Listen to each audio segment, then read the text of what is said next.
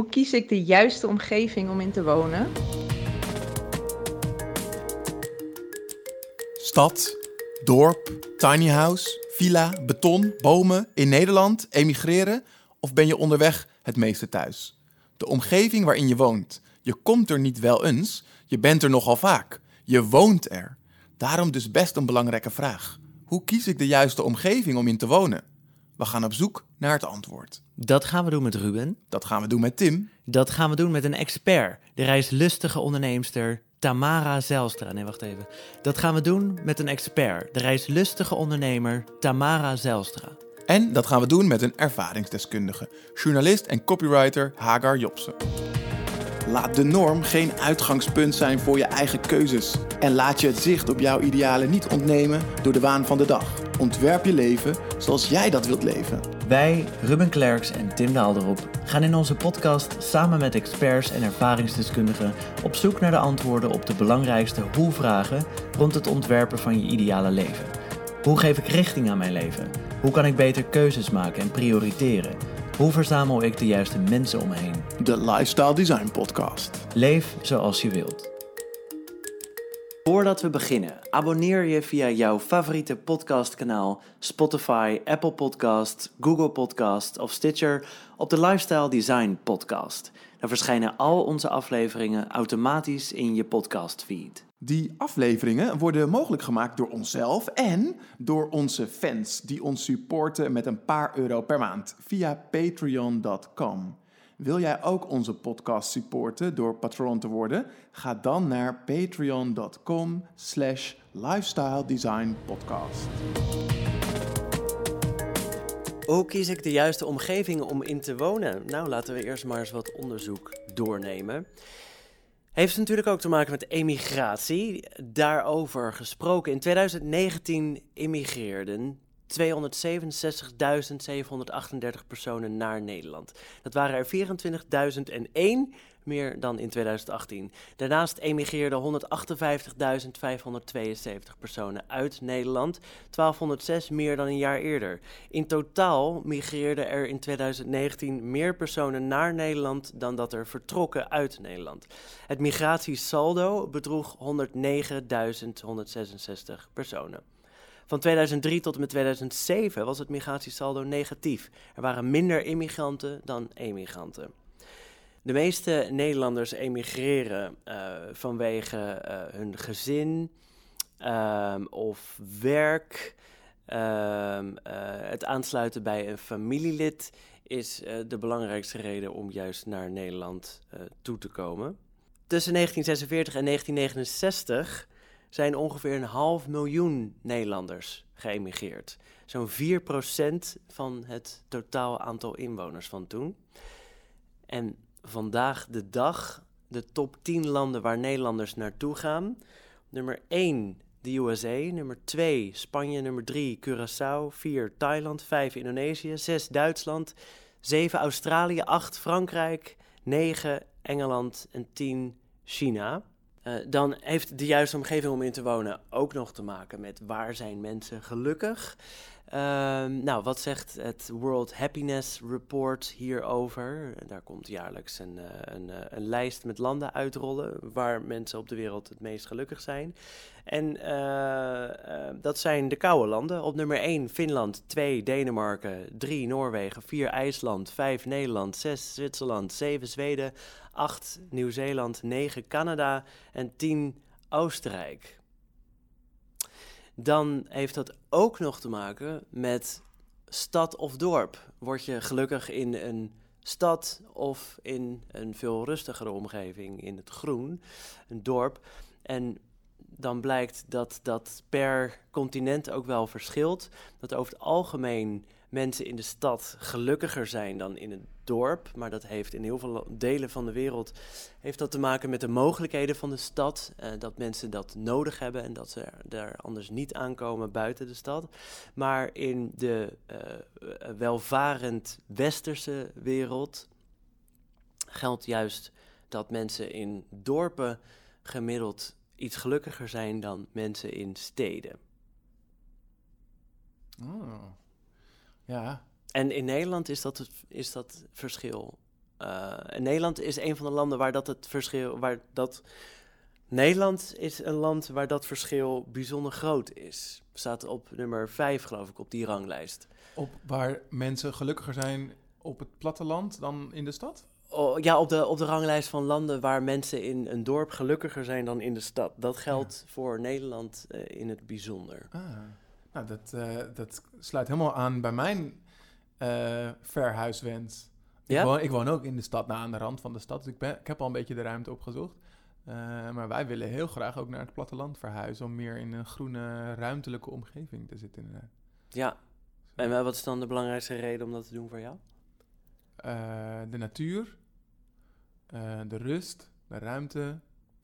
Ehm, ja, ik heb altijd het idee dat ons werk en ons dagelijks be- bestaan al druk genoeg is. Dus als ik dan thuis kom, wil ik graag ruimte en rust hebben, groen. Ja. En ook gewoon voor onze kinderen een plek waar ze gewoon lekker vrij kunnen spelen. Ehm, dat levert nu zelfs al bijna soms stress op. Onze kinderen kunnen niet voor het huis op straat spelen, het is gewoon een drukke weg. Eh, ja, dus ik denk dat dat ook ontspanning zal geven. Ik vond het wel grappig dat je die eh, emigratiecijfers noemde. Want eh, in hoeverre denk je dat mensen, als het zoeken naar een ideale omgeving om te wonen, ook de optie van emigreren meenemen? Nou, dat is een hele interessante vraag. Ik heb het hier toevallig laatst eh, met mijn partner uitgebreid over gehad. Dat als je nadenkt over wat zijn nou de allerbelangrijkste dingen die voor mij bepalend zijn in mijn levensgeluk, qua omgeving, welke wensen heb ik daarin? Dan is de kans natuurlijk heel groot dat je uitkomt op een ander land dan het land waarin je woont. De kans is eigenlijk bijna 100%. Dat je van alle landen die er in de wereld zijn, kom je waarschijnlijk niet precies uit op het land waar je, waar je, waar je nu woont. En toen hadden we het er wel over dat ehm, Nederland in heel veel opzichten niet te bieden heeft. eh, wat ons heel erg gelukkig maakt. Wat wij zoeken in, eh, in een omgeving. Dus als wij nu vanuit de ooievaar een plek zouden mogen kiezen om geboren te worden, dan. En dat geldt wel voor meer voor mij dan voor mijn partner in ieder geval. Maar dan zou ik absoluut niet Rotterdam kiezen. Nee. Eh, dat geldt voor hem ook. Dus toen hebben wij wel bedacht, wij willen wel graag in ehm, veel in de toekomst ook in, in, in, in eh, andere omgevingen gaan wonen. In andere steden, in andere landen. Dat lijkt ons wel heel Ja, interessant. en jullie, jullie kiezen er ook al bewust voor om überhaupt het concept van op één plek wonen los te laten. Want je hebt het al over dat je op meerdere plekken wilt wonen. Nou, daar staan we wel voor open. En eh, sowieso eh, vind ik het al heel tof om tijdelijk ergens anders te wonen. Ja. Heb ik bijvoorbeeld in Barcelona gedaan. En eh, ik vind het sowieso leuk om mijn leven te verplaatsen naar een andere stad tijdelijk. En dat gaan we binnenkort doen. We gaan samen in Londen wonen. En we hebben het er ook over om daarna een aantal jaar in een andere stad te gaan wonen. Ja. Ehm, ja, omdat zulke omgevingen veel meer te bieden hebben dan ja, een stad als Rotterdam of Amsterdam. Ja, ja om, dus, om dus nou even terug te komen op die vraag, of dat onderzoek eigenlijk van in hoeverre mensen over die landsgrens heen denken, denk ik dat, er, dat heel veel mensen zich nog vastdenken eigenlijk door, dat ons, door die onzichtbare grens, als Ja. we dan kijken naar andere mogelijkheden. En misschien is die grens niet- al niet eens buiten hun eigen provincie gaat Ja. of buiten hun eigen stad. Als je ergens anders wilt wonen, en je bent eh, in eh, Amsterdam opgegroeid. Nou, Amsterdammers hebben het volgens mij extreem. Die, er, is geen leven buiten Amsterdam. Ja. Ehm, dat, je, dat je dan dus ook zoekt naar de mogelijkheden binnen die omgeving. Terwijl, inderdaad, wat jij zegt, misschien eh, ligt jouw toekomst of jouw ideaalplaatje wel in eh, Zimbabwe. eh, Ja. Weet ik het. Ehm, Ja. maar dat we dat toch niet zo vaak doen. Zo, zo Nee. ver over de grenzen kijken. ja, dat denk ik ook. Eh, voor een deel omdat veel mensen de manier waarop ze hun leven hebben ingericht, zichzelf ook wel enigszins vast hebben gezet. Eh, in ieder Ja. geval dat het moeilijker is om zomaar da- om daar heel vrij in te zijn. Eh, ik, als je kinderen hebt, ben je daar denk ik gewoon wat minder vrij in dan wanneer je die niet hebt. Of als je heel erg eh, eh, op locatie werkt en ook nog eens in een baan die, eh, ja, die je een grote plek in je leven hebt gegeven. En ook bij een bepaalde werkgever, dan wordt dat natuurlijk veel lastiger. Ehm, Ja, ik, want nu je dit zo zegt, denk ik, ja, dit is eigenlijk wel interessant. Want we hebben het zeg maar over design, over lifestyle design. En bij, bij alle aspecten van design nemen we eh, mee dat de situatie verandert. als, jij, als jij voor je ziet hoe jouw ideale auto eruit ziet, dan, dan neem je mee dat je daar misschien na tien jaar is dat beeld veranderd en wil je weer een andere auto rijden. Ehm, maar als het gaat over waar we wonen, dan hebben we het opeens over een hele vaste situatie. En je wilt je ergens settelen. Dat is letterlijk de term die we gebruiken, over het algemeen genomen. Hè. Ehm, dus dat is eigenlijk een hele vaste, definitieve vorm die we dan zoeken. Alsof je dan opeens iets moet ontwerpen wat daarna niet meer kan veranderen. Ja. Dat is beperkend. Ja, eh, denk het ook wel. ik denk ook wel dat het uh, onderdeel is van ons, onze ontzettende sociale uh, natuur.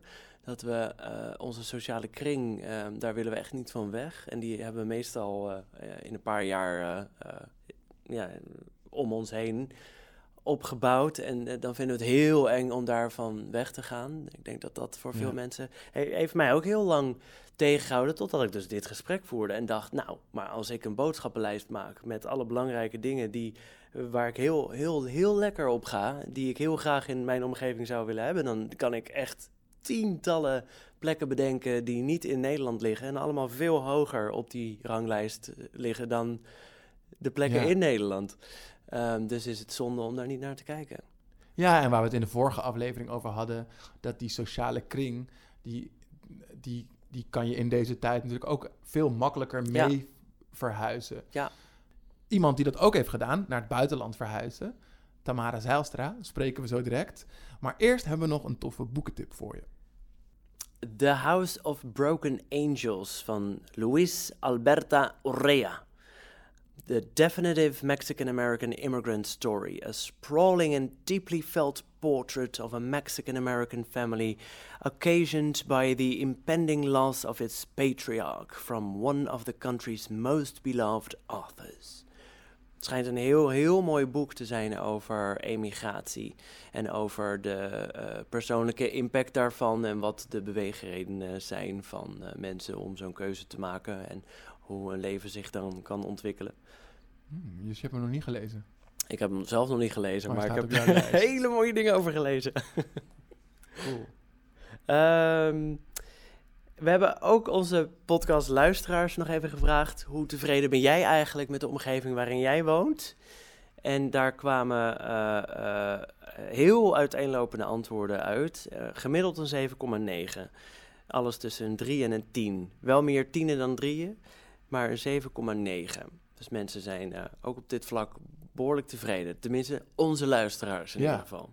Ja, wat ik daar vooral opvallend aan vond aan die resultaten, is dat wat je normaal in, in eh, veel onderzoeken hebt, dat er veel cijfers op die middenmoot zitten, zo tussen de 5 en de 7.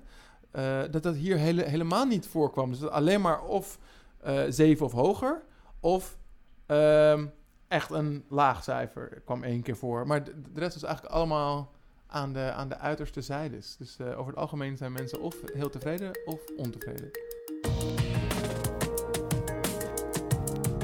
Tamara Zijlstra is ondernemend en reislustig.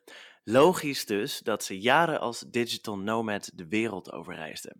En dan niet alleen naar digital nomad hotspots zoals Chiang Mai en Bali.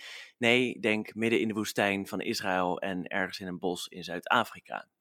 Inmiddels runt ze al een aantal jaar het succesvolle Blueberry Dynamic.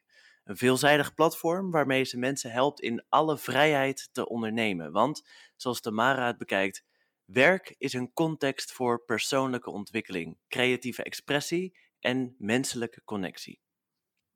Tamara, wanneer realiseerde jij je dat je anders wil wonen en werken dan de meeste mensen? Ja, je gelooft het nooit, maar ik wist het echt op de basisschool al. Um, ja, serieus. Ik, uh, ik, kan me het ook echt nog heel goed herinneren. Uh, als klein meisje was ik altijd al bezig met vreemde landen en voor mij vreemde culturen. Voor elke spreekbeurt, elk essay zocht ik een nieuw land uit waar ik nog nooit van had gehoord. En ging ik er alles over leren. En ik heb er altijd van gedroomd om, uh, om de hele wereld rond te reizen. Dat leek mij echt het allermooiste om te kunnen doen met je leven. Hoe oud was je toen je toen je, je eerste spreekbeurt over een ander land hield?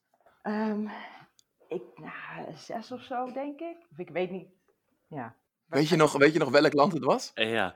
Ja, ik heb over uh, Malta. Ehm, heb ik iets gedaan over Java. En het is leuk dat je dat vraagt, want um, ik kan me nog heel goed herinneren toen ik over uh, mijn spreekbeurt over Java wilde gaan doen. Um, ik kende uh, een vriend van mijn ouders, die, uh, die was daar geboren. Dus ik kan me echt nog herinneren dat ik als klein meisje naar zijn huis toe was gelopen, had aangeklopt. En toen zei ik van, ik wil mijn spreekbeurt doen over Java, omdat niemand van de wereld, op de wereld daar ooit van heeft gehoord. En toen begon hij heel hard ah, ja, echt. Uh, ja, gelukkig vond hij dat ook. Hij had wel allemaal wat boeken voor me en heeft me heel veel verteld. En op mijn basisschool had natuurlijk niemand daarvan gehoord. Dus het is grappig om daar nu aan terug te denken, inderdaad, Malta, ja. Java. Nou ja, dat is nu allemaal niet meer zo, zo ver weg en onbekend, maar toen wel. Ja, precies. Oké, ja, wat ik wilde vragen, is Java dan ook een van de eerste plekken waar je daarna naartoe bent gegaan? Nee, of later toen je begon met reizen? Nee, ik ben nog nooit geweest. Grappig trouwens, Malta ook niet. Het zijn helemaal niet per se. Oké, dat is ook wel sprekend voor mij. In dit geval, deze twee voorbeelden zijn helemaal niet per se um, landen waar ik enorm veel interesse in heb. Maar ik vond het heel cool dat het iets was waar nog niemand ooit van had gehoord. Ja, oh, oké, ja. Dat was dan wel uh, iets voor mij om dan maar eens te gaan onderzoeken en, uh, en iedereen uh, over te gaan vertellen, zeg maar. Is dat ook iets wat je hebt meegenomen later in jouw zoektocht naar plekken om te wonen en te werken? Dat het plekken moesten zijn waar anderen nog nooit van hadden gehoord?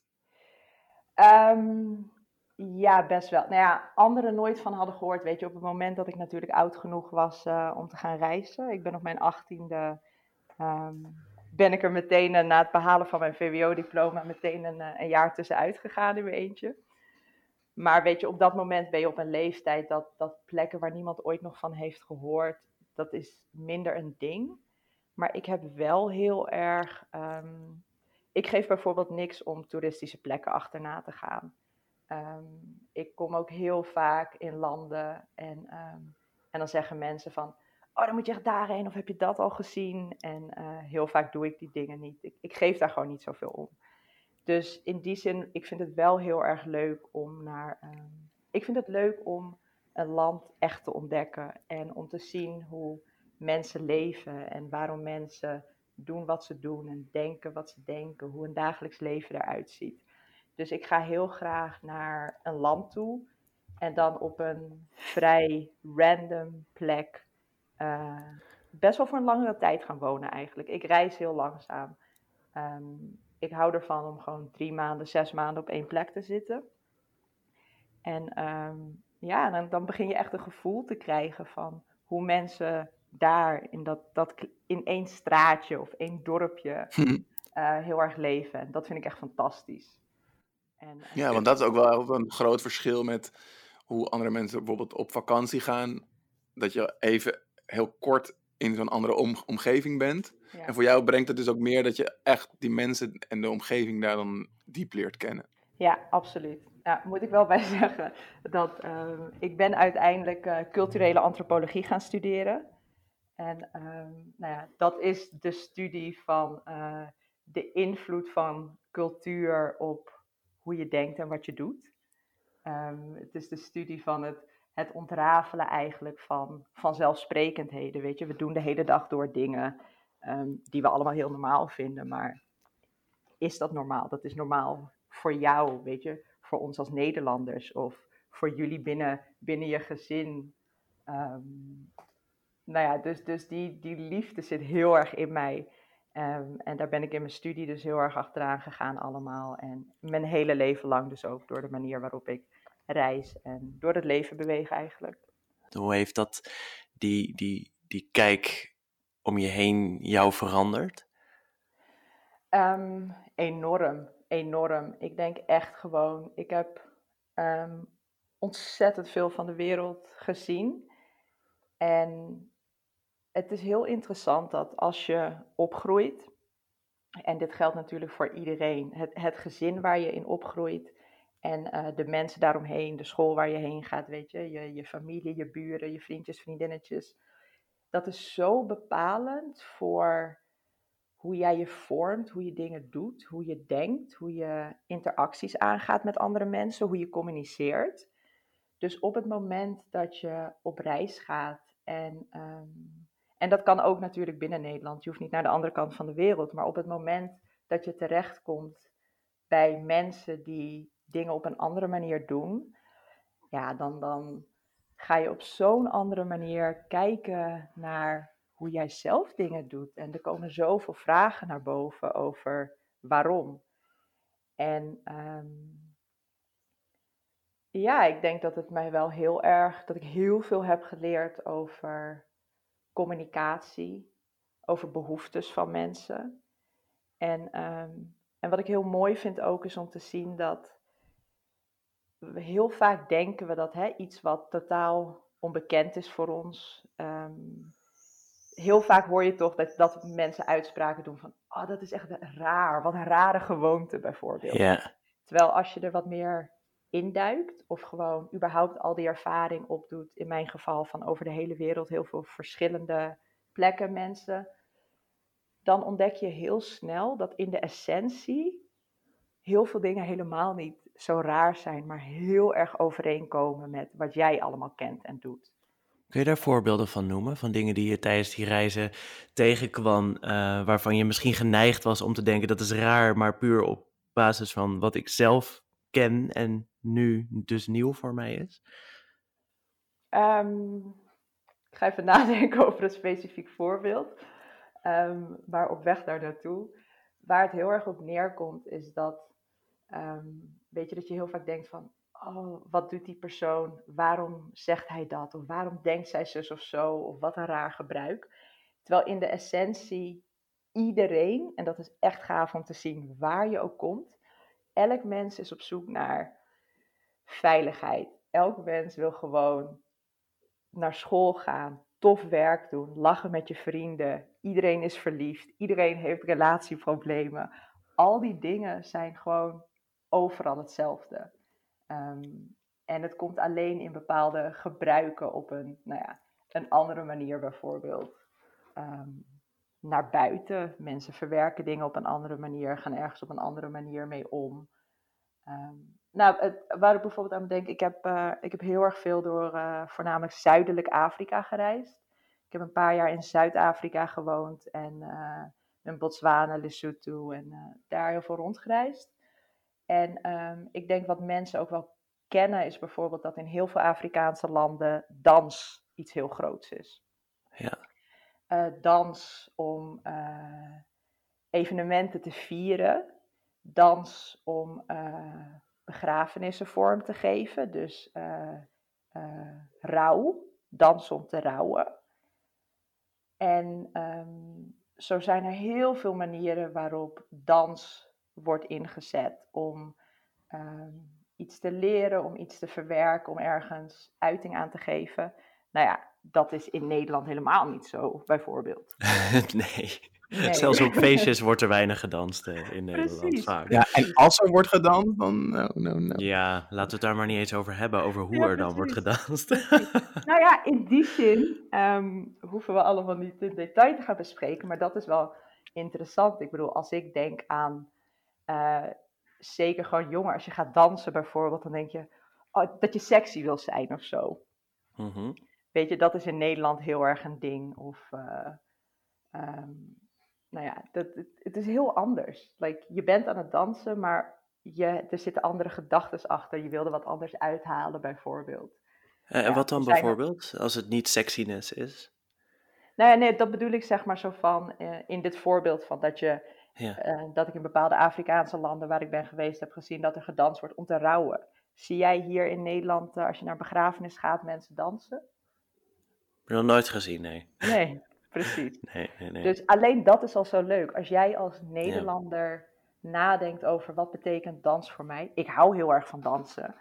Maar ja, wanneer ga ik dansen? Soms Ja. dans ik eh, door de woonkamer. is niemand bij. Ik ook. Eh, Heerlijk. is dat. leuk. Ben jij ook ben jij meer gaan dansen, Tamara, eh, sinds die ervaringen? Of ben je op andere momenten gaan dansen? Nee, nee. Wel iets, um, dit is echt iets waarvan ik altijd denk, ja, dat zou ik echt wel willen. Dat lijkt me heerlijk om te doen. Maar in de praktijk moet ik toegeven dat het niet helemaal zo gebeurt. Nee, nee omdat je dan toch gewoon, Tamara, blijft met jouw eigen um, achtergrond, met jouw eigen cultuur?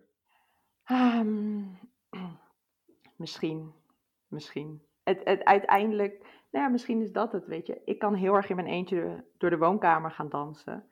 Maar uiteindelijk alles om mij heen is er nog steeds niet een ja. cultuur van dansen. Dus het is iets wat ik met mezelf en voor mezelf wel kan doen. Maar het is niet iets wat je heel erg om je heen op die manier met anderen kan delen. Dan zou je kunnen zeggen dat je natuurlijk op. Uh, er zijn heel veel mogelijkheden om helemaal in de danswereld terecht te komen en, en van alles en nog wat. Maar ja, dan ben ik weer altijd op reis. Dus uh, ik kan nergens bij horen op die manier.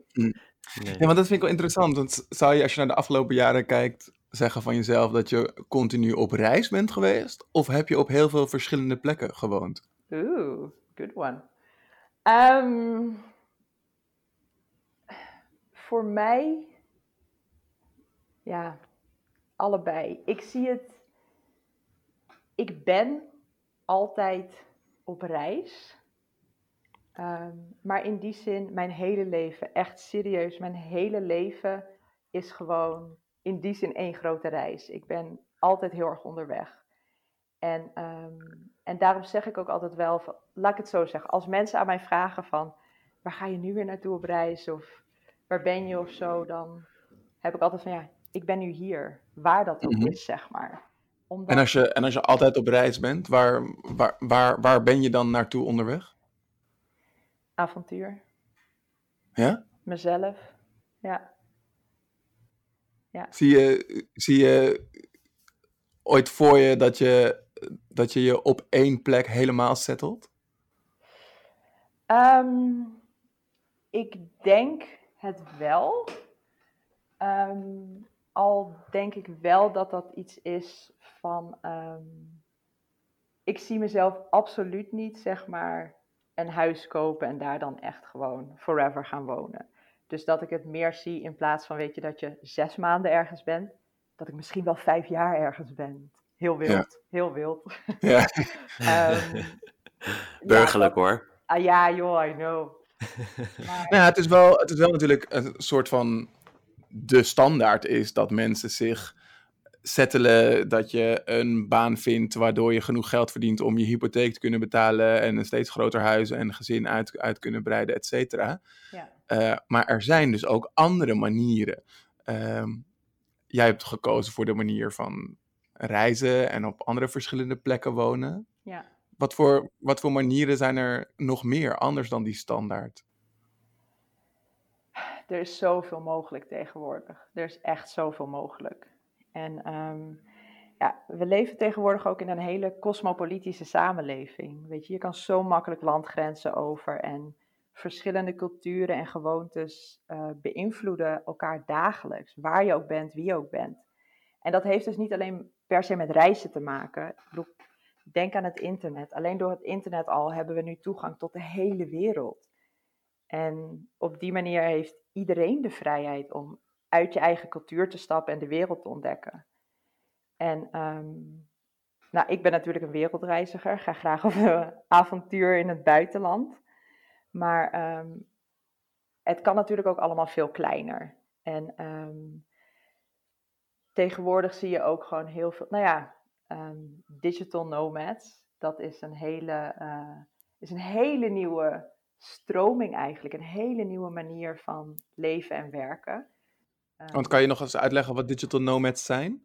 Ja, heel simpel zijn dat ehm, mensen die ehm, online hun werk doen en dus niet afhankelijk zijn van een specifieke locatie, een specifieke plaats. Dus die kunnen gewoon door de hele wereld bewegen en overal waar ze zijn hun, uh, hun werk doen.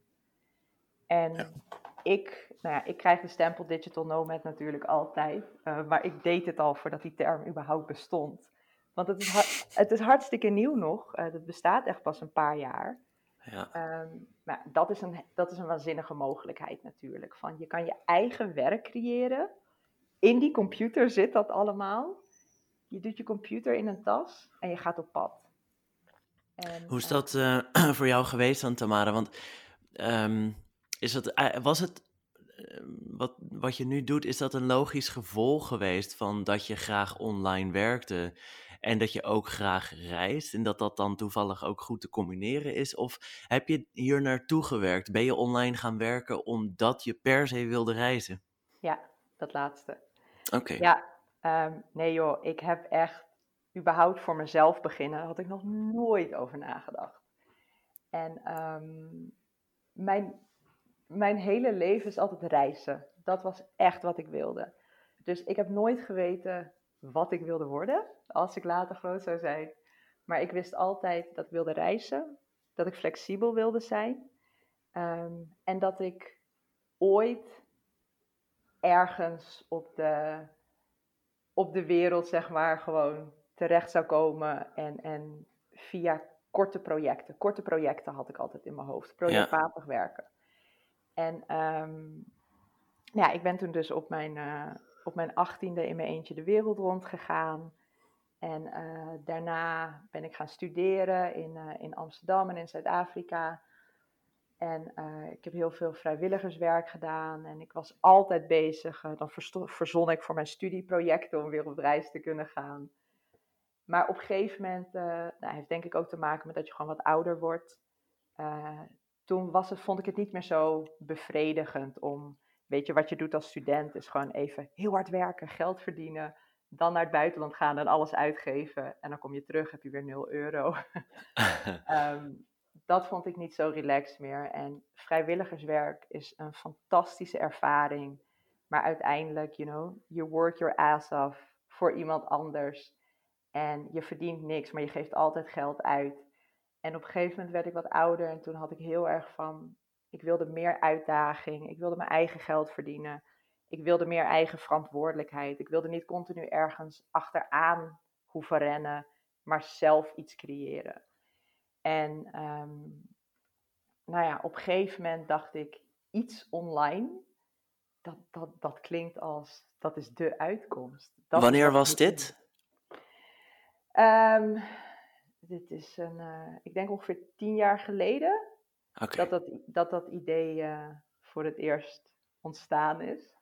Maar ja, ik, uh, nou ja, hè, afgestudeerd antropoloog. Um, ik wist helemaal niks van online. Ik was echt. Ja, helemaal klaar om online te gaan ondernemen, dus. Ja, ja, ja totaal. Uh, nee joh, ik kwam echt niet verder dan mijn e-mail openen en wat googelen. Zoals heel veel mensen in die tijd. En uh, dus ik ben het echt heel erg gaan creëren. Ik had echt zo van, nee, gewoon een, een kantoorbaan, een huis, een hypotheek, dat is niks voor mij. Dan ga ik doodongelukkig worden. Uh, wat wil ik? Ik wil reizen en flexibel zijn. Hoe kan ik dat gaan creëren? Ik ga mijn eigen werk creëren. Hoe heb je dat uh, aangepakt? Want nu, eh, ik ken weinig mensen die zo uh, het, online zo thuis zijn als jij. tien jaar geleden kon je, nog, kon je alleen nog net een e-mail sturen, zeg je net. Ja. hoe heb je dat aangepakt, al, al, al, het leren van al die skills? vooral heel erg gaan doen. Het, um, ik ben begonnen als um, ja, ik ben eerst heel erg gaan leren, want ik wist dus niks. Hè. Daarom zeg ik ook iets online. dat was echt waar ik stond. Toen dacht ik, maar wat dan? Hoe doe je dat? Kan dat überhaupt online werken? Um, en op een gegeven moment, je rolt ergens in. Weet je, op het moment dat, when you have your mind set to something, dan, dan, dan ga je googlen en dan ga je dingen lezen. En natuurlijk was ik niet de eerste in de wereld die dit deed. Dus gelukkig kan je op een gegeven moment dingen vinden en dan praat je een keer met mensen en dan komen mensen op je af. En zo ben ik echt een hele nieuwe wereld ingerold. En, um, en, en gaan doen. Op een gegeven moment, hoe meer ik er over leerde, hoe uh, enthousiaster ik werd. En ik dacht echt, ja, dit is het. Dat is toch kicken. Als je dit voor jezelf waar kan maken. Dat, uh, dus ik wilde heel graag. Dus ik ben er helemaal voor gegaan. En um, gewoon gaan doen. En, en leren onderweg, heel veel leren, af en toe op je bek gaan en gewoon weer doorgaan. Want ik had echt, ja, dit is het. Ik ga gewoon, ik ga hier alles over leren en ik ga hier gewoon heel goed in worden. En, en, en, nu kun je dus overal uh, werken waar je wil. Hoe, hoe heb je steeds de, de plek gekozen waar je naartoe wilde? Op, op basis van welke criteria? Um, over het algemeen probeer ik altijd heel erg uh, aan mezelf te vragen: waar heb je nu behoefte aan? Of wat wil je heel erg graag zien? Wat wil je heel erg graag ervaren? En daar kies ik dan um, locaties op uit. En ik denk dat iedereen heeft wel gewoon bepaalde landen of plekken in zijn hoofd waar hij heel graag naartoe wil. Is ook heel leuk trouwens, want dat verschilt voor iedereen zo. Ik vind het heel leuk om te vragen altijd aan mensen van welk, ik weet niet of je wel is opgevallen, maar iedereen heeft een soort van favoriet werelddeel. Dat is heel erg. Ja. maar je hebt gewoon heel erg mensen die zijn helemaal lyrisch over gewoon Azië of Zuidoost-Azië. Dat is het helemaal. En zo heeft ieder gewoon zijn eigen ding. Ehm, dus voor mij is het heel erg Afrika en het Midden-Oosten. Daar voel ik me heel erg thuis. Dus daar ben ik ook heel erg veel geweest. Maar ik heb ook wel eens, um, nou, ik heb bijvoorbeeld een half jaar in Thailand gewoond. En Thailand trekt mij dus echt voor geen meter. um, in tegenstelling tot heel veel mensen. maar dat was heel erg een punt waarop ik een nieuwe richting op wilde met mijn business. En ik had echt zoiets van, ik wilde heel erg gaan focussen. Ik wist dat ik heel veel moest gaan leren. En eigenlijk wist ik nog helemaal niet wat het dan moest zijn en wat ik precies wilde. Toen zijn we naar Thailand gegaan, uh, ik en mijn vriend. En toen uh, zijn we echt gewoon, hebben een appartementje gehuurd, zijn we zes maanden geweest. En we hebben ons eigenlijk bijna zes maanden daar opgesloten. En zijn gewoon gaan werken. Lekker veel van Thailand gezien. Dat was in Chiang Mai zeker. De digital nomad hoofdstad eigenlijk van de wereld. Ja, dat, dit was Chiang Mai. En ja. Ehm, wij zaten dan ook echt nog, ehm, ja, dat dan weer wel, echt in een buitenwijk van Chiang Mai waar bijna geen toeristen waren. Uh, dat vond ik dan wel weer heel erg leuk. En um, dus in die zin, weet je, hebben we wel heel erg uh, je bent in Thailand en je gaat elke dag naar buiten en je doet je ding. Maar dat was dus een van die plekken waar iedereen is wel een keer in Thailand geweest. Dus iedereen zei, oh Tamar, dan moet je daarheen en dan moet je daarheen. En dat is fantastisch. En ik ben nergens geweest. Ehm, maar ondertussen, na die zes maanden, dat straatje waar ons appartement in zat, we kenden iedereen en we hadden leuke contacten. En ik vergeet echt nooit dat de dag dat we weggingen na die zes maanden, gingen we van iedereen afscheid nemen in die week daarvoor. En ehm, we gingen toen met de nachttrein van Chiang Mai terug naar Bangkok. En allemaal mensen uit die straat kwamen met zakken met eten. Oh my god, we hadden zoveel eten. Iedereen had eten voor ons gemaakt. Voor in de trein ehm, terug als, als afscheid. En oh wow.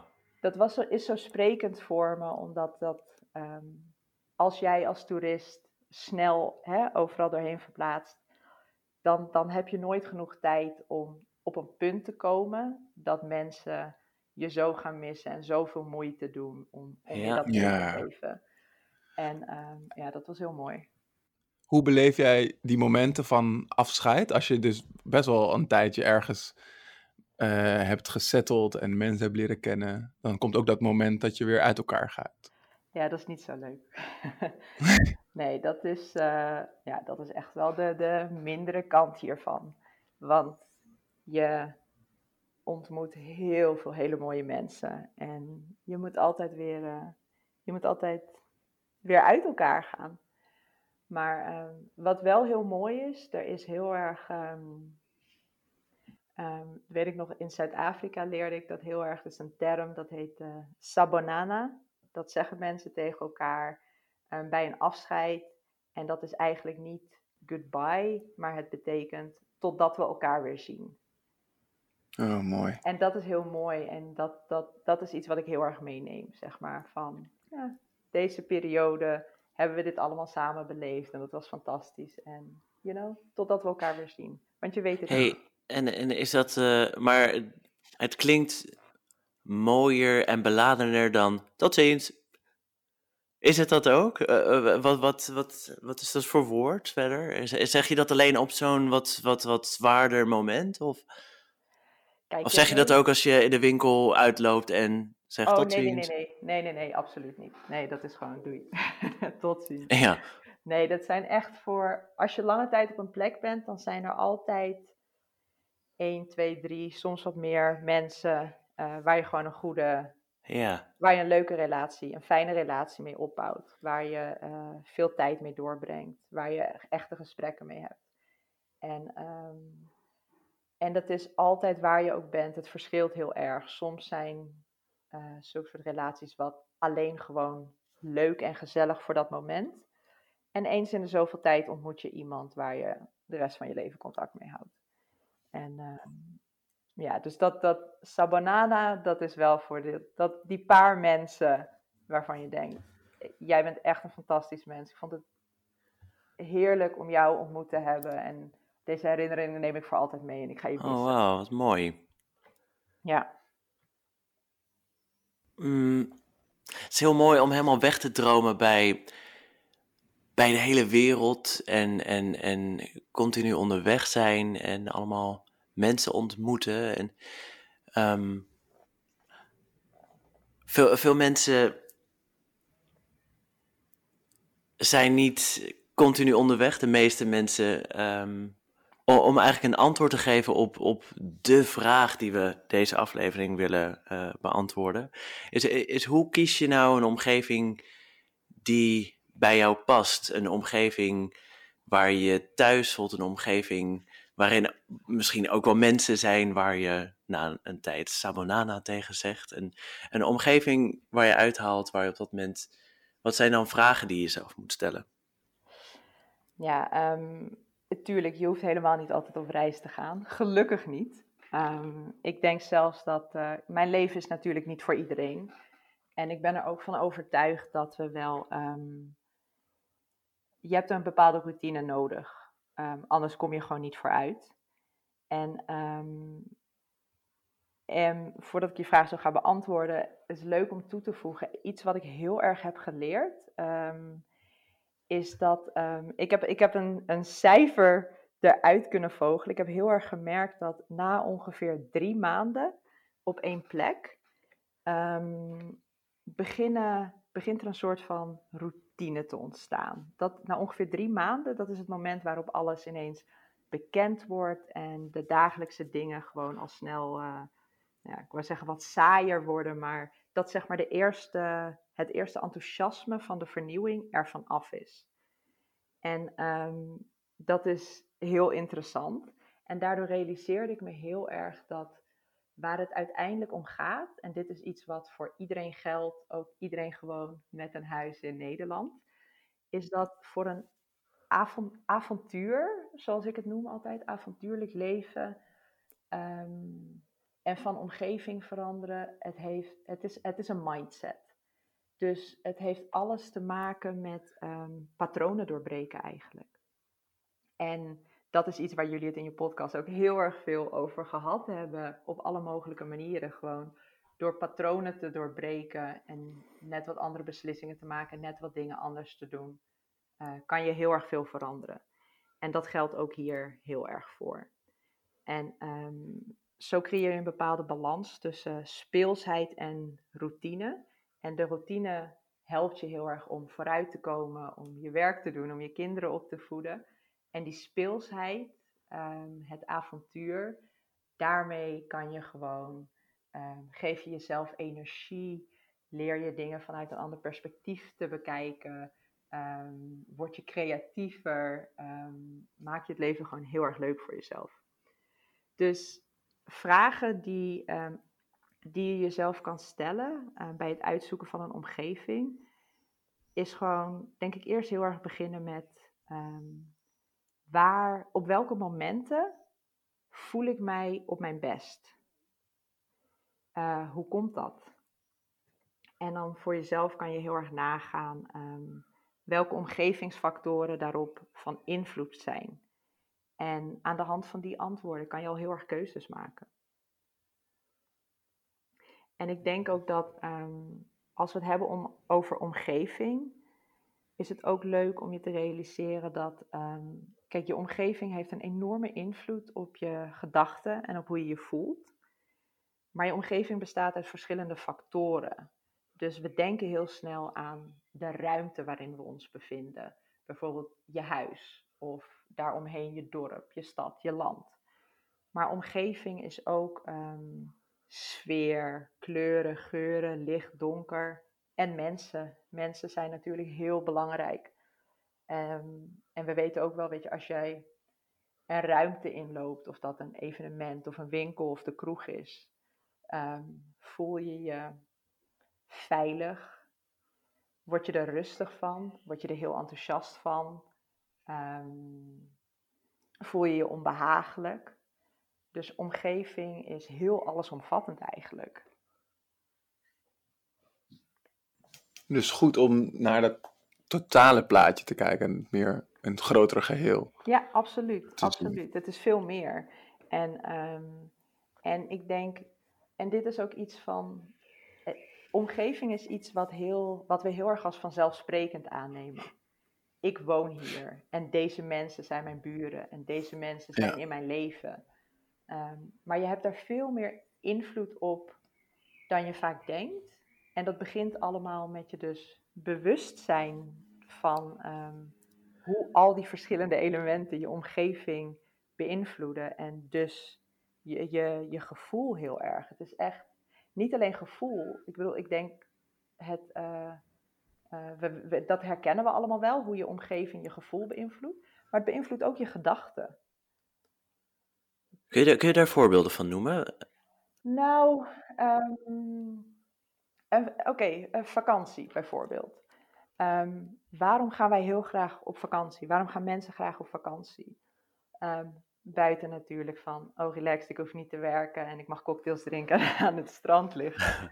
maar vakantie heeft een heel ander effect nog. En dat is dat je wordt uit je dagelijkse omgeving gerukt ja, hier heb je weer. Je ziet andere dingen, je proeft andere dingen, je hoort andere dingen, je ervaart andere dingen.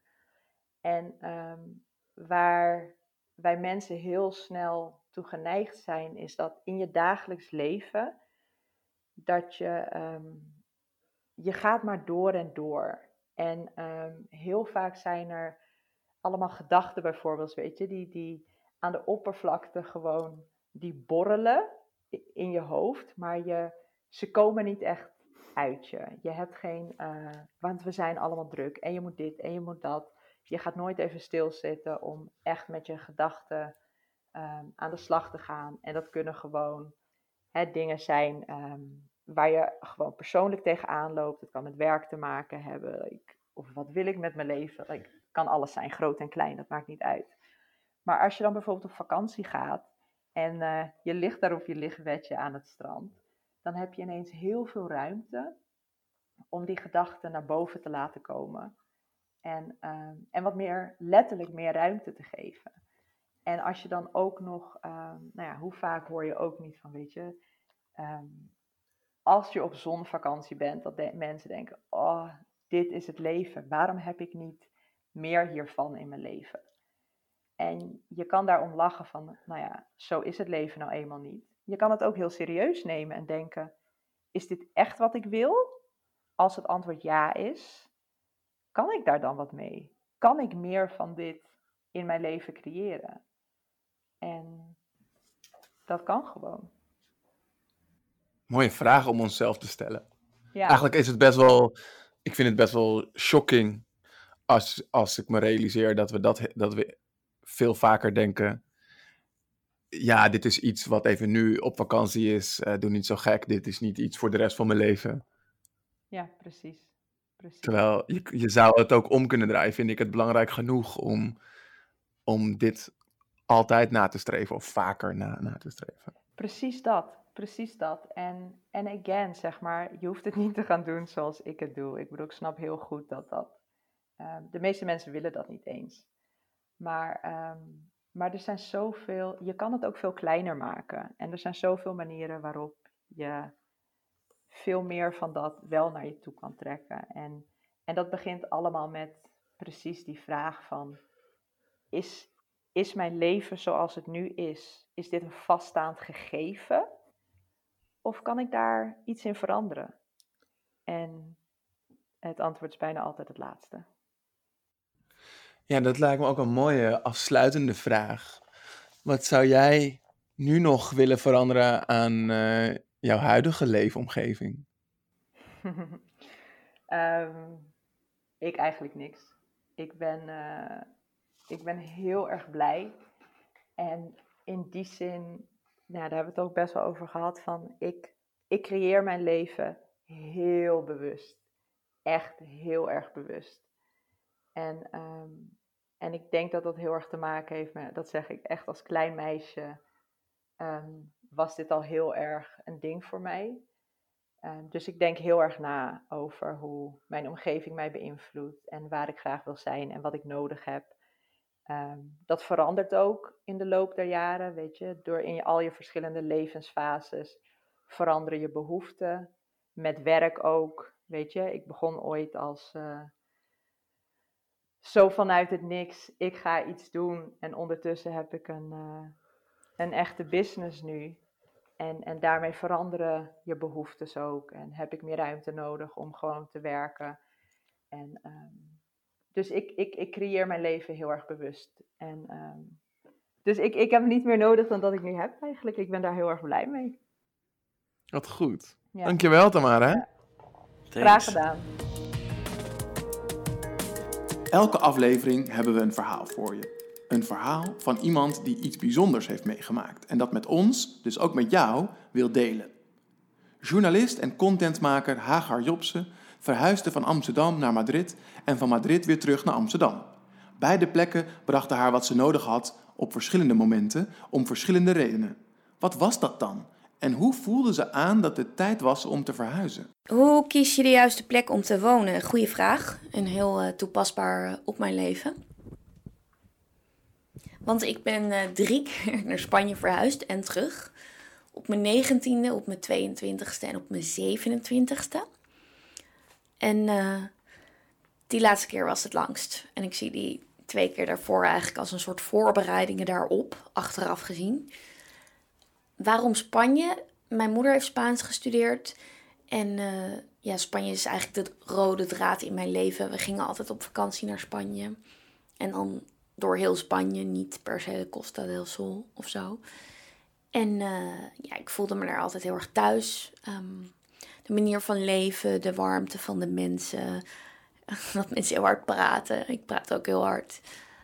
Een paar van die dingen wat, wat ik heel prettig vond in, en die in Nederland niet waren. Dus um, ik riep al vanaf mijn vijftiende van nou later ga ik in Spanje wonen. En daar heb ik eigenlijk ook heel veel op ingericht. Dus het was best wel gepland. Intuïtief, maar gepland. Ik weet niet of dat kan, maar mijn intuïtie. Het was niet strategisch van, oh, als ik daar naartoe ga, uh, word, uh, ga, word ik rijk of zo. Maar wel een van de redenen. Ik hou ook van schrijven en ik hou van verhalen vertellen. Maar ik dacht wel van, als ik journalist word, wat ik ben geworden, dan kan ik overal wonen. Dan ben ik niet aan Nederland gebonden. Dus dat had daar ook mee te maken. Uh, nou, op mijn negentiende ben ik gedaan gegaan om de taal te leren. Toen wilde ik eigenlijk al blijven, maar toen vonden mijn ouders het toch een beter idee dat ik mijn studie in Nederland zou doen.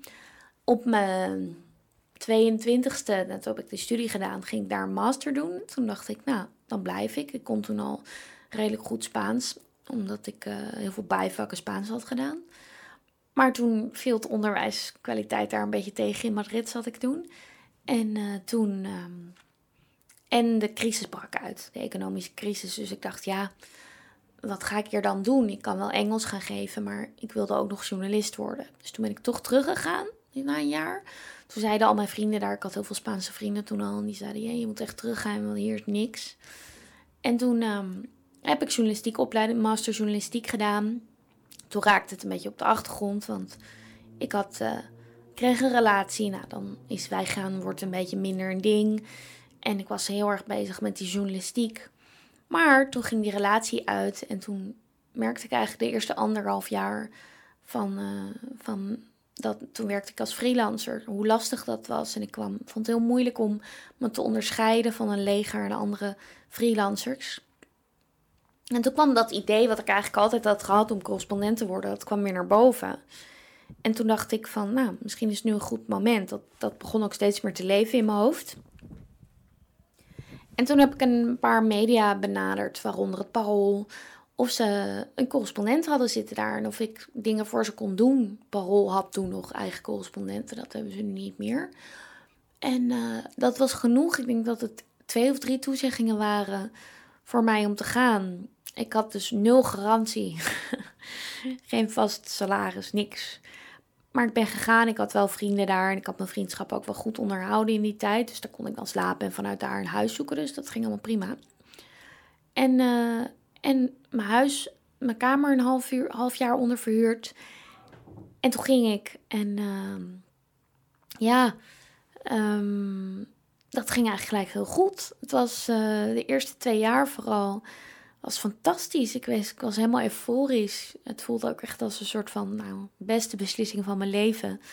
Oh ja, want dat moet ik ook nog even zeggen. Los van het professionele aspect was ik Amsterdam best wel zat. Ik ben, kom uit Amsterdam en ik had het gevoel voor mij als een groot dorp waar ik iedereen kende. En ik was gewoon heel erg toe aan iets nieuws. Um, ik heb ook gestudeerd in Amsterdam. Dus het was die combi van, oh, maar ik kan me daar, als ik correspondent word, kan ik me onderscheiden en dan kan ik groeien als journalist.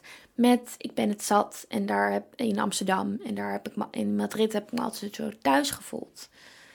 Dus die twee dingen maakten dat ik ben gegaan en dat was fantastisch. Ik vond het heerlijk dat ik door wijken kan lopen en dat niemand me daar kende. En uh, ja, de stad opnieuw ontdekken. Dat vond ik echt fantastisch. En uh, ik heb ook heel gek Amsterdam gewoon niet gemist. De eerste drie jaar gewoon niet, niks. Ik had ook een beetje, ik had heel snel gewoon weer een vriendenkring die heel fijn was. Mijn werk was leuk. Ja, het was niet altijd makkelijk, want het is heel hard werken, correspondentschap voor weinig geld. Maar ik heb wel heel veel geleerd. Ik heb daar radio leren maken, in het Engels schrijven. Dus het was ook echt wel een ontwikkeling voor, voor, me, voor mijn werk, voor mijn carrière.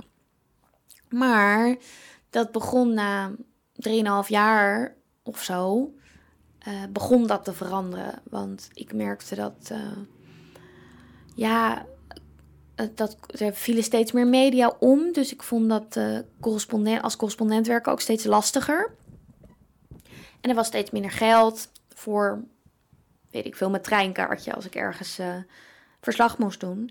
Dus dat begon wel een beetje aan me te vreten. Dat ik dacht van, ja, oké, maar in hoeverre kan ik me hierin verder ontwikkelen? Het voelde een beetje alsof ik op een soort zinkend bootje zat. En toen begon ik ook, gek genoeg, na drie jaar, drieënhalf jaar, beetje heimwee te krijgen naar Nederland. En moest, ik moest steeds vaker ook, want ik begon ook content marketing opdrachten aan te nemen.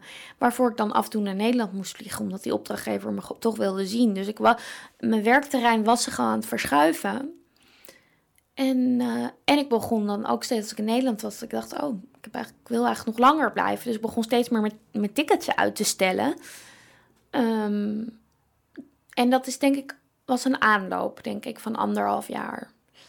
En op een gegeven moment dacht ik, ja, maar wat wil ik? En, en ik wil ook groeien in mijn werk. En waar ik gegaan naar Spanje was, omdat ik dacht, daar zit groei, voelde ik nu dat ik misschien om te groeien terug moest naar Nederland.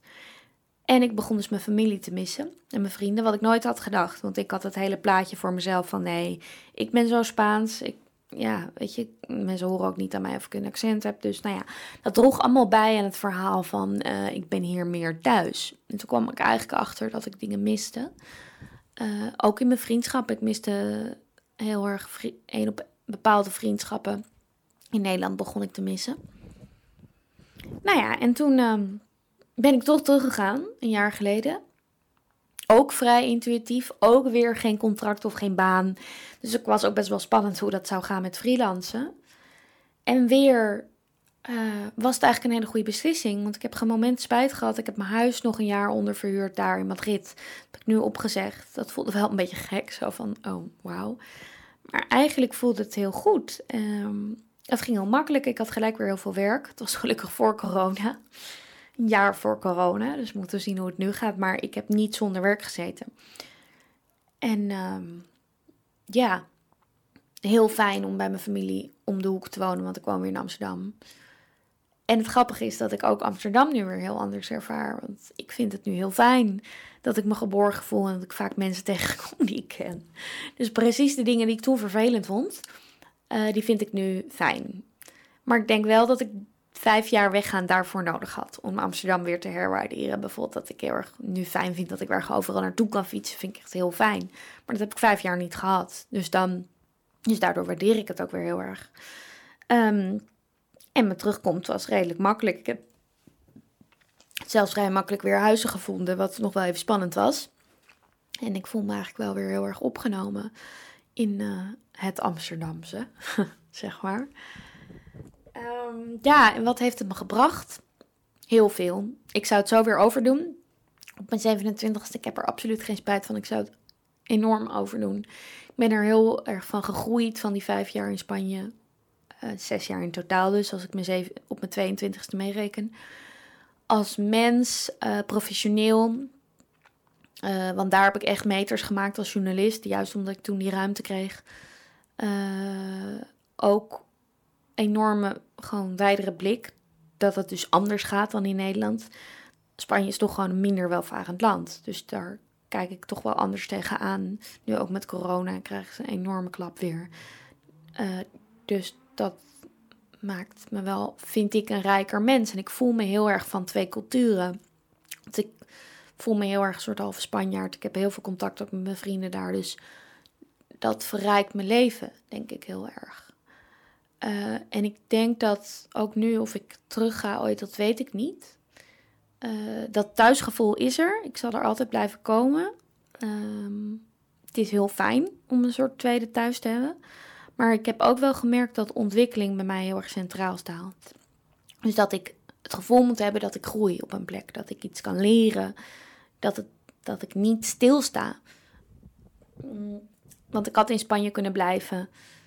En dan uh, had ik niet, was ik niet gegroeid. Ik dacht ook, wat voor, wat voor opties heb ik hier? Spanje is gewoon lastiger qua werk. Um, dus het heeft me heel veel gebracht. Maar terugkomen heeft me ook heel veel gebracht. Dus ik zou het niet anders doen. Hoe kies ik de juiste omgeving om in te wonen? Hmm. Huh. Ja? Oké, oké. Laten we er even heel anders naar kijken. Is die omgeving wel echt zo bepalend als we denken? Ja. Ja, waarom? Nee, um, nou misschien ook niet. Laten we het eens van de andere kant bekijken. Ja, laten we dat doen. Ja. Nou, ik moet even denken aan waar we het met Tamara over hadden. Dat je op vakantie gaat en uh, dat je dan denkt: oh ja, maar dit lekkere weer en, en, en dit strand en, en die mooie natuur hier om me heen. Dat zou ik eigenlijk altijd wel willen. En dat zij ook wel terecht zei dat het gaat om veel meer dan dat. Ja. Het gaat er ook om wat er in je hoofd gebeurt op het moment dat je daar bent. En deels komt dat door dat je in die omgeving bent, dat dat andere dingen in jezelf losmaakt, maar ook door dat je op vakantie bent, dat je op avontuur bent. Um, dus het zou best wel kunnen zijn dat veel mensen dus ergens anders gaan wonen of emigreren misschien wel met torenhoge verwachtingen, want dan verandert alles. En dan kom je er daar misschien wel achter dat het eigenlijk om de dingen gaat die daarachter liggen, de indirecte gevolgen van een andere omgeving. Ja. ja, want ik kreeg ook de indruk uit het verhaal van Tamara dat het ook nog veel meer ging over de mensen in die omgeving. En dat ze daar ook heel erg in investeert. Ja. Om die te leren kennen. En um, zij was veel meer ook bezig om op een langere termijn daar onderdeel te worden van die omgeving. Dus als het gaat over ergens op vakantie zijn, ja, dan kan ik me voorstellen, dan is je gevoel eventjes, het, uh, je bent in een andere omgeving. Terwijl zij zegt, om echt die omgeving op je in te kunnen laten werken, moet je dus ook de tijd nemen om te zien hoe het daar is. En het ook echt van de kant te bekijken van de mensen die daar wonen. En niet alleen maar van de toeristische kant. Of... Ja. En kun je die omgeving niet ook nog veel meer naar je hand zetten dan je denkt? In, in, want je kan zeggen, ja, ik geef me over aan de omgeving, of die omgeving is een bepalende randvoorwaarde. Of je zou kunnen zeggen, ja, die omgeving maakt eigenlijk niet uit, want ik kan hem toch wel aanpassen. Eh, in de, in de vorige aflevering hebben we het gehad over de mensen om je heen. Dus als de mensen in die omgeving maar kloppen. Maakt het dan uit of je op de Noordpool zit of op Costa Rica? Oh, nou, op de Noordpool is het veel kouder dan, uh, dan in Costa Rica. Ja, als die mensen maar warme jassen hebben. Precies. Ja, nou ja. Voor Tamara gaat het heel erg om het avontuur, neem ik aan. Want als je ergens naartoe gaat en je investeert heel erg in die mensen leren kennen en onderdeel worden van die omgeving, dan zou je natuurlijk kunnen afvragen waarom ga je dan ergens anders heen? Want thuis ben je al uh, onderdeel van je omgeving, maar voor haar gaat het echt om dat avontuur. Maar dat brengt je misschien ook wel inderdaad op die gedachte van eigenlijk wil je als mens gewoon vrienden, uh, onderdeel zijn van een netwerk, van een groep, van, van je omgeving. Dus ja. Ja, en, en in hoeverre kun je jezelf loskoppelen van je omgeving? Ja. Ja, want dan moet ik denken aan het boek van Ilja Leonard Pfeiffer, um, Grand Hotel Europa. Ja. Die zijn vraagtekens zet bij allemaal mensen die zeggen te hebben gebackpackt, zeggen op vakantie te zijn geweest, omdat ze zo geïnteresseerd zijn in andere culturen. En terwijl in werkelijkheid proberen ze daar zoveel mogelijk te doen waar ze zelf zin in hebben. En is het meer een beetje apisch kijken in de dierentuin dan dat ze daadwerkelijk oprecht geïnteresseerd zijn in hoe die mensen leven. Zoals Tamara dat denk ik wel oprecht is. Waarmee je eigenlijk zegt dat ze dus nog heel erg vastzitten aan de omgeving waar ze vandaan komen. En het vanuit dat perspectief alles bekijken. Ja, dus je koppelt jezelf helemaal niet zo los van je omgeving. Ik denk dat er maar weinig mensen zijn die dat echt, echt fijn vinden en, en dat goed kunnen. Ja. En ook wat Tamara zei hè, over dat dansen. Um, zij, het sprak, dat sprak haar heel erg aan. En daar op die plek zou ze dat wel kunnen. Maar hier in Nederland kun jij dat heel, heel erg van dansen houden. Maar jij gaat niet op een begrafenis dan in één keer heel erg dansen. Of uh, je, je ontsnapt niet aan de, aan, aan de omgeving waarin je woont. Dus je, je kunt niet in je eentje... Bepaalde veranderingen kun je alleen maar ondergaan als je omgeving daarin meegaat. Ja. En dan komen we toch terug op de vraag: moet je nou die omgeving veranderen? Ja. Of moet je jouw gedrag in die omgeving veranderen? Wat, wat denk je dat het beste werkt? Nou, misschien moet je jezelf die vraag wel stellen. Um, waarom, ja. ja. waarom worden mijn behoeften niet vervuld?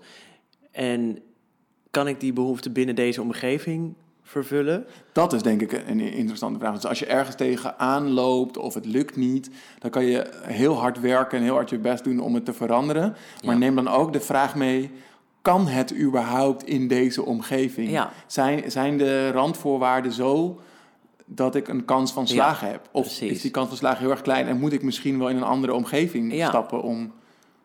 Als jij helemaal gek bent van dansen, of je merkt zonnig weer heeft ongelooflijk veel fijne invloed op mij. Of ik ben een surfer in hart en nieren. Ja, dan moet je niet in Nederland zijn.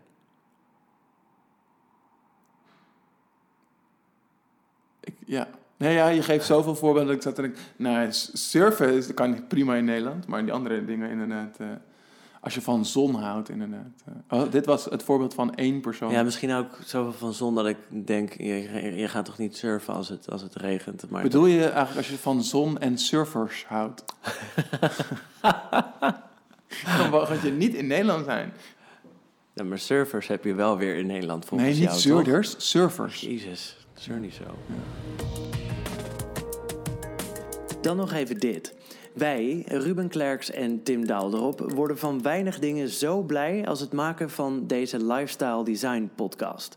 Hoewel wij als lifestyle designers al onze tijd beschouwen als vrije tijd, maken we deze podcast in onze vrije vrije tijd. Met andere woorden, we verdienen er niets mee. Dat vinden we eigenlijk wel fijn, want zo is onze podcast 100% vrij van adverteerders. Dat betekent dat wij kunnen maken wat wij willen maken en jij daarnaar kunt luisteren zonder dat je tussendoor van die irritante reclames hoort. Wil jij ons helpen de Lifestyle Design Podcast advertentievrij te houden en nog beter te maken met nog diepere gesprekken en nog toffere gasten? Support ons dan voor een klein vast bedrag per maand dat je zelf kiest op patreon.com slash lifestyle design podcast. Als dank voor je support krijg je, naast een nog betere en advertentievrije podcast, toegang tot exclusieve gesprekken met experts, ervaringsdeskundigen en onszelf. Vol tips, tricks en inzichten rond het ontwerpen van je ideale leven. Oh, en je krijgt een eervolle vermelding op onze website en een persoonlijk bedankje in onze eerstvolgende aflevering, als je dat wilt. Vond je dit een toffe aflevering? Vergeet je dan niet te abonneren op deze podcast. Gewoon hier op het kanaal waarop je nu luistert. En we vinden het ook leuk met jou in contact te komen. Wat heb jij gehaald uit deze aflevering? Hoe heeft het jouw leven verbeterd? Deel het met ons. Mail ons op hallo at lifestyledesignpodcast.nl Volgende week gaan we op zoek naar het antwoord op de vraag: hoe kies ik werk dat bij me past? Ja, dan spreken we met loopbaancoach en ondernemer Esther de Bruyne en horen we het verhaal van digital nomad en onderneemster Suzanne van Duin. Tot volgende week.